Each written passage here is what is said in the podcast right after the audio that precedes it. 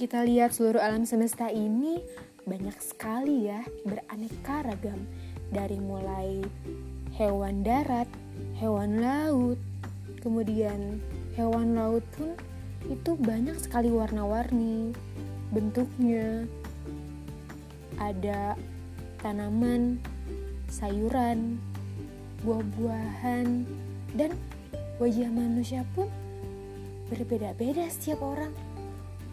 Bisa ya seperti itu? Gimana sih kita cara ngenalinnya?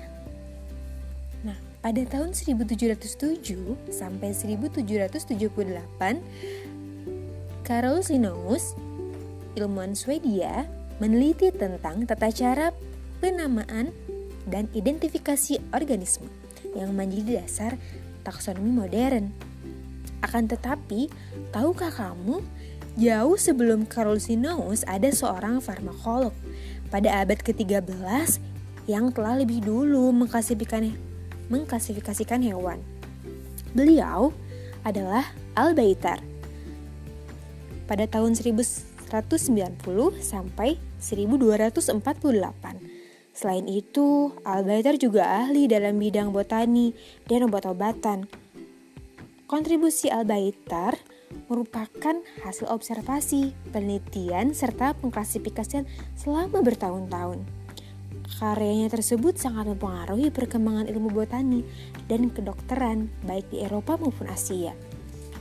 Nah, bahasan kita kali ini adalah tentang mengenali klasifikasi makhluk hidup. Tujuannya apa sih? Ya, untuk mempermudah, mengenali, membandingkan, dan mempelajari makhluk hidup. Makhluk hidup diklasifikasikan atau dikelompokkan berdasarkan tiga hal. Pertama, itu persamaan dan perbedaan. Kedua, ciri bentuk tubuh atau yang disebut morfologi. Dan anatomi atau alat dalam tubuh.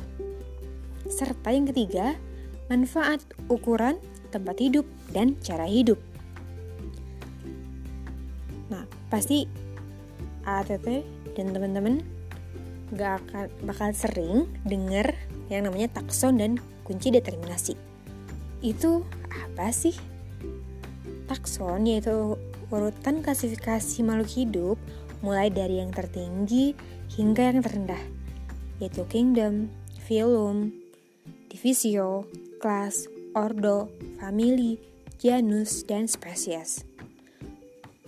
Kemudian, untuk kunci determinasi itu sendiri merupakan kunci yang dipergunakan untuk menentukan filum atau divisi, kelas, ordo, famili, genus, atau spesies. Yaitu dasar yang dipergunakan adalah identifikasi dari makhluk hidup dengan menggunakan kunci dikotomi. Untuk lebih dalam memahami yang Ambu sampaikan barusan, Yuk kita cek Google Classroom. Masih bersama Amburiana.